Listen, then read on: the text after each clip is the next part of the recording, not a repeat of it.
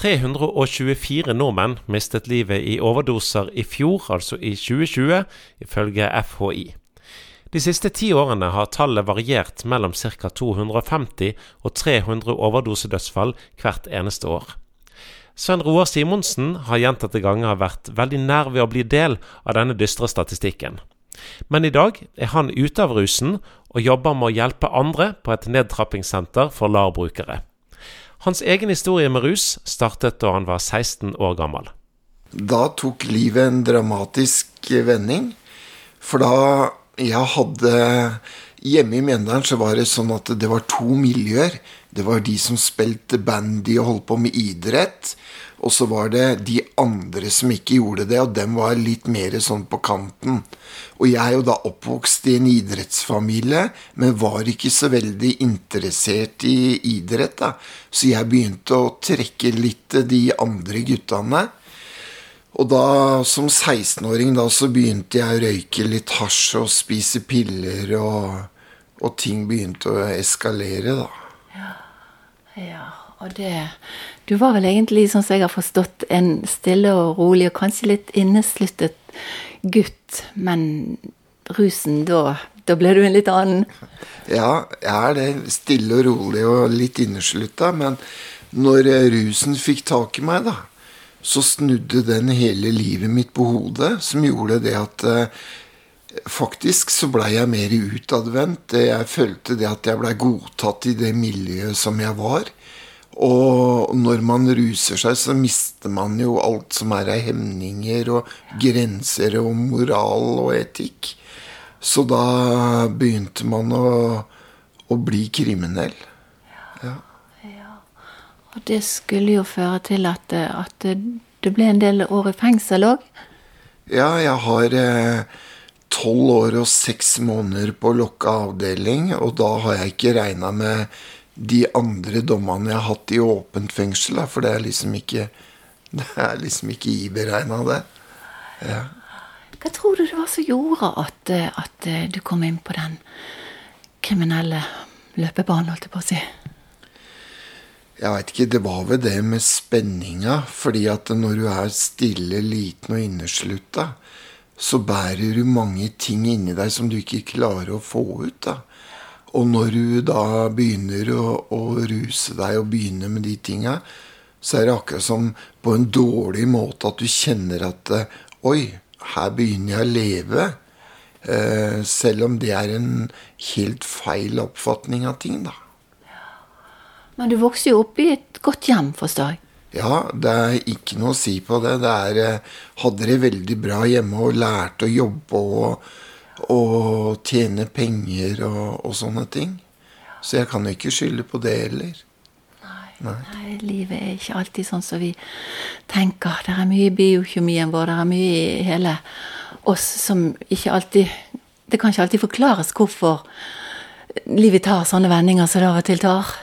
Nei, det er, er man, sier jo, man sier jo det at Eller det er et ordtak som sier det at veien blir til mens han går. Så spørs det da hvem vei eh, man vil gå på. Men jeg tror da, eh, nå i ettertid og ser tilbake, så handler jo alt om valg. Hva man tenker og hva man velger. Og når man er i den alderen, så man, ser man kanskje ikke eh, med de øynene som han ser nå. Og da gjør man dårlige valg som vil få så store følger for eh, fremtida vår. da.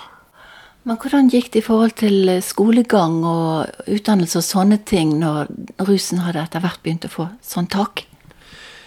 Eh, jeg datt jo helt ut av skolegang og arbeid og sånt, for livet, for livet handla jo bare om å få ruse seg og holde på med kriminalitet. Sånn at jeg begynte jo da i veldig ung alder og inn og ut av fengsler hele tida. Så jeg mista jo alt. Eh, jeg prøvde, eller jeg har jo hatt en del år hvor jeg har jobba i travsporten. da.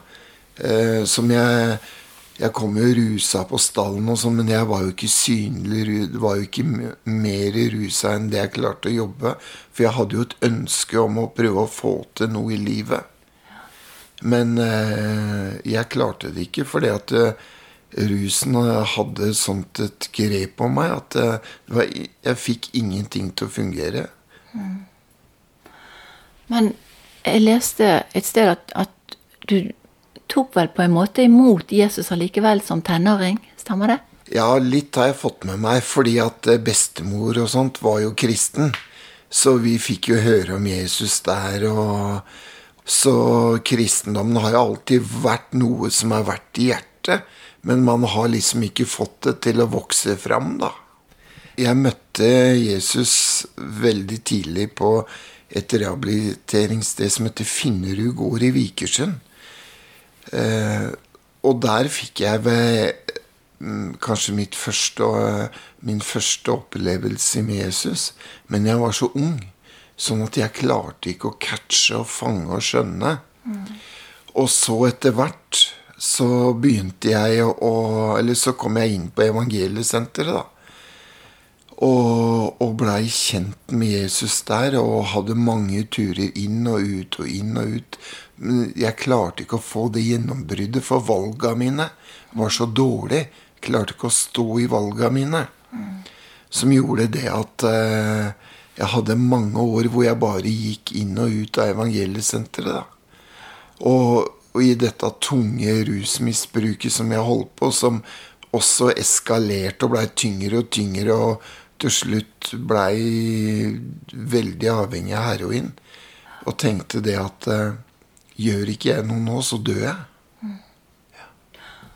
Og du holdt vel egentlig på å dø mange ganger av overdoser, har jeg forstått? Ja, veldig mange ganger. Det gikk så langt faktisk til slutt at en kveld jeg sitter uh, aleine hjemme, så, så roper jeg faktisk på Satan.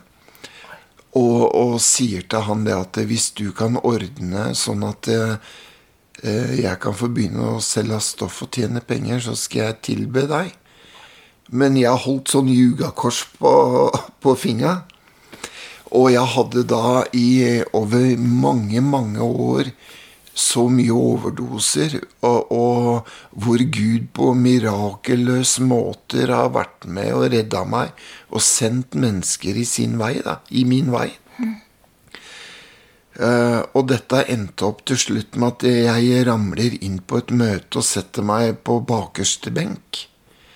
Og der var ei dame fra Amerika som var og talte så kalte hun fra meg, og så sier hun det at eh, jeg ser jeg ligger en forbannelse og død over livet ditt, hvor djevelen har krevd livet av deg mer enn én en gang, men Guds engler har stått deg bi og beskytta deg. Så når jeg snur meg og ser tilbake nå, så ser jeg det at Gud har hatt en plan hele veien, da. Oi. Så det at du ropte på Satan den onde, han fikk ikke den makten han ønsket å få av deg? Kanskje ja. pga. bønnene til, fra familien din, da, eller? Ja, jeg tror nok det. Og, og, For jeg opplevde veldig tid Eller når jeg kom inn på evangeliesenteret første gangen, så opplevde jeg å møte Gud på en så mektig måte, og hvor han la ned kall i hjertet mitt. Eh, så jeg tror det at eh, mine familien, familien min sine bønner da, og Gud har hatt en plan hele veien, sånn at han har kanskje satt inn noe ekstra tiltak for å sørge for å hjelpe meg, og, og, og sånn at jeg kunne gå den veien jeg måtte gå utenom å dø, da. Jeg var på Os evangeliesenter, og så skulle jeg hjem på permisjon. Og så drar jeg oppå med en kar som er i rusmiljøet. Og der oppe får jeg i meg noe heroin, og så får jeg overdose og ligger der på gulvet og dør.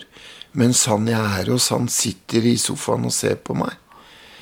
Så på evangeliesenteret, når dette skjedde, så tar Den hellige ånd og vekker uh, hun ene som jobber der, og sier det at uh, Synnøve, du må stå opp og be innstendig for livet til Sunn Roar. Så hun hever seg på kne og roper til Gud for meg. Og i leiligheten der så plutselig så banker det på døra, og så kommer det inn en kar. Og disse to guttene, han som eide leiligheten og han som kom, dem var egentlig ikke kamerater. Og Så han klarer å komme opp og få liv i meg.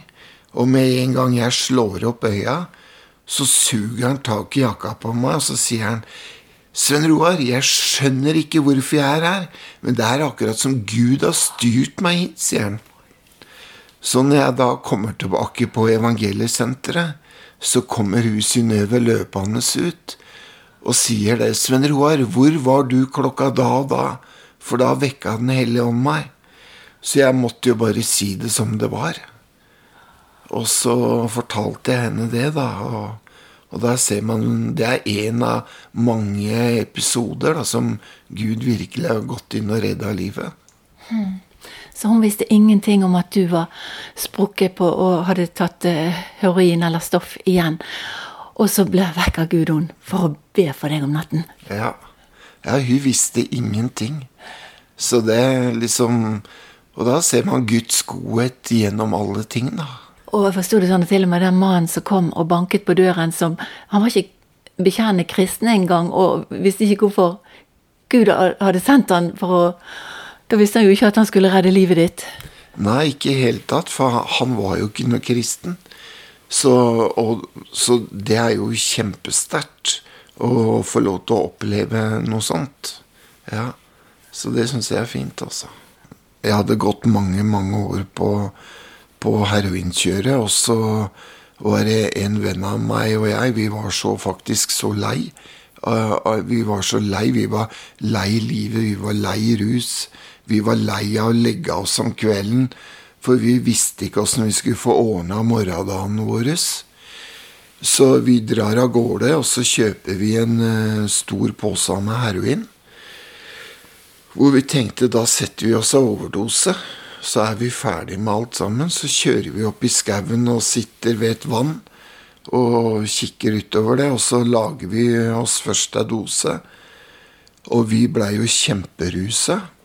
Og så blanda vi ut resten og, og setter den. Og når jeg da hadde trykt sprøyta nesten helt inn, og jeg kjente hvordan rusen begynte å rive i meg, og kjente at dette kommer til å gå skikkelig gærent Det var jo det som var meninga òg. Så bare i en kjempenød så bare roper jeg på Gud inni meg. Og som et knips i fingeren så blei vi helt nyktre begge to. Og han eh, kameraten min, han sier det at eh, Jeg skjønner ikke hva som skjer her, sier han. Ja, det tror jeg jeg gjør, sa jeg, for det. jeg tror Jesus sitter i baksetet her, sa jeg. Så det er liksom mange sånne episoder da jeg har fått lov til å oppleve. Jeg husker en annen gang jeg var helt aleine. Jeg går inn på en bensinstasjon eh, inne på et toalett og jeg skal sette av meg litt grann heroin. Og jeg var så sliten i kroppen og helt utafor. Og så tenker jeg det at da lager jeg alt sammen, også, men jeg sparer bare resten. Og mens jeg holder på og trykker dette inn, så, så tenker jeg pokker, og jeg tar alt sammen. Og da sitter jeg på toalettlokket og så blir det bare helt svart for meg. Og så hører jeg en stemme som var så stor og varm og rund og mild. Så hører jeg 'Sven Roar, våkn opp'. Og jeg våkna ikke opp, men jeg hørte stemmen, og så hørte jeg stemmen en gang til. 'Sven Roar, våkn opp'. Og da begynte jeg å komme til meg sjøl, og tredje gangen den stemmen kom, så slår jeg Når jeg slår opp øya, så var hele rommet Det var fylt av et sånt krystallklart, hvitt lys. Og plutselig så forsvinner det lyset ut døra. Og når jeg da kommer til meg sjøl, så ligger jeg på kne med henda folda over dolokket. En veldig merkelig situasjon, men også en av de hvor Gud var der. da for oss å berge livet mitt. Mm. Ja. Så Gud, han etterjaget deg midt i mange dødsskyggens daler, om vi kan si det sånn. Du gikk gjennom ild og vann og gjennom alt det tøffeste som kunne. Og så var Gud han med deg allikevel. Ja. Det er helt utrolig eh, hvordan han da har vært, da. Og, men det som er fint med det, altså, da får man oppleve det at i Bibelen Sannelig så er Bibelen helt sann. Det som Skriften sier. Om at vi, om vi går igjennom ild, så skal ikke ilden brenne oss. Og om vi går gjennom vannene, så skal ikke vannene overskylle oss. For han er jo våre kjepp og våre stav. Mm. Så midt i alt dette, da, så tenkte jeg det at jeg må sjøl gjøre noe tiltak for å ikke dø. For jeg tenkte det at hvor lenge varer Guds nåde, tenkte jeg. Så jeg da eh, Etter fryktelig mange år i den rusen her, så tenkte jeg det at da får jeg begynne i LAR, tenkte jeg. jeg må begynne på Subutex, sånn at jeg ikke dør i rusen. Men det blei jo ikke noe bedre, det, så jeg gikk ti år da eh, på LAR-medisiner. Og levde aktivt i rusen og kneppa ikke hendene mine en eneste gang og ba til Gud. Men jeg opplevde Gud så mye i hverdagen, hvor Gud hele tida kom og kalte på meg, liksom. I mørke situasjoner, og når jeg hadde det bra, så kom, kom Jesus og kalte på meg. Så tenker jeg da en dag at Eller jeg har en venn av meg som heter Kjetil Sterri Mørk, som er leder på Østerbo evangeliesenter, en barndomsvenn av meg. Han ringer til meg. Og da og invitere meg med på et møte. Altså, vi avtalte da å dra på et møte. Så da blei jeg med han på det møtet. Og der tok jeg en bestemmelse da, på at Sønnerøy, nå må du dra inn på evangeliesenteret. For det var det eneste stedet jeg ville dra inn. Jeg ville ikke noe annet. Hva skjedde da? Du sitter jo her i dag, og du reiser rundt og forkynner evangeliet. og i det hele tatt, Hva skjer videre? blir da? Jo, jeg må, jeg må fortelle det, da. Fordi inne på det møtet så var eh, det var to møter på formiddagen, og så var det et eh, litt tidligere på ettermiddagen. Og imellom de møtene så eh, tar Kjetil med meg bort for å hilse på Ole Petter, han som er lovsangsleder i Evangeliesenteret. Og så sier Kjetil det at eh, Sønn Roar, du skal begynne å reise sammen med han. Og så tenkte jeg ja ja, det er lett for deg å si det, du ser ikke åssen jeg egentlig har det.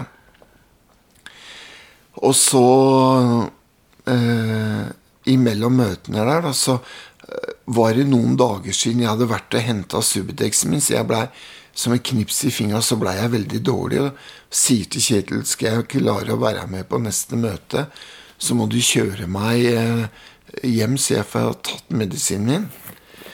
Og da, når han kjører meg av gårde i bilen, da, så liksom forteller jeg Kjetil da, hvor frustrert jeg er over min livssituasjon og at jeg satt så fast i subteksten, så sier han en ting. Svein Roar, Jesus har ikke noe problem med subteksten, sa han. Og da kjente jeg at da blei det tent et håp inni meg. Og håpet om å klare å slutte med både narkotika og LAR-medisinene som Sven Roar brukte, de ble oppfylt i løpet av en tremånedersperiode. Jeg må bare legge til, for jeg har aldri vært en sånn kar som har hatt så veldig stor tro på meg sjøl. Eh, jeg trodde egentlig ikke at jeg skulle klare den nedtrappinga heller. Men jeg visste det at Jesus kunne, var håpet mitt. Så jeg hang hele livet mitt på én knagg, på Jesus.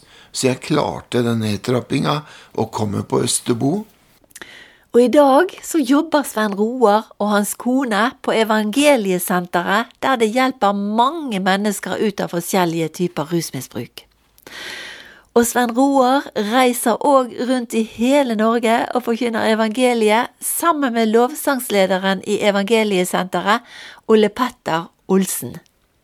Ja, og, og du veit, det er bare Gud som kan gjøre sånn, for han, han tok jo min største svakhet og bare snudde den og gjorde det til en styrke. Sånn at eh, i, i dag så får lov til å hjelpe. Jeg sitter og deler ut medisiner. Og, og jeg kjenner det, jeg har ikke lyst på det i hele tatt. Å få lov til å hjelpe gutter og jenter. Kona mi og jeg, vi reiser inn i rusmiljøet i Oslo, Porsgrunn rundt omkring, og bare henter Når Gud minner oss som mennesker, og bare henter de ut og tar de inn på evangeliesenteret og hjelper de. Det er helt utrolig. Og det er gått en, en god tid siden dette skjedde. Eh, siden jeg, vi kom på Brybakken? Eh, siden du ja, sluttet med alt dette her, både stoff og LAR. Ja. Jeg dro, jeg dro inn på Brybakken 1.6.2017. Dro jeg inn. Da var det slutt. Og etter fire måneder der oppe, tre måneder der oppe, så var jeg av medisin. Og etter det så har jeg ikke tatt av pille eller rusa meg eller noen ting. Så det, det er fint. Så Jesus lever? Amen. Han den gamle dager lever i beste velgående. Og han har en omsorg for oss, og han vil oss noe mer, vet du. For han ønsker å søke det nye i oss. Og, og, og han har noe godt for oss. Ja. Du har hørt en podkast fra Petro. Du finner masse mer i vårt podkastarkiv på petro.no.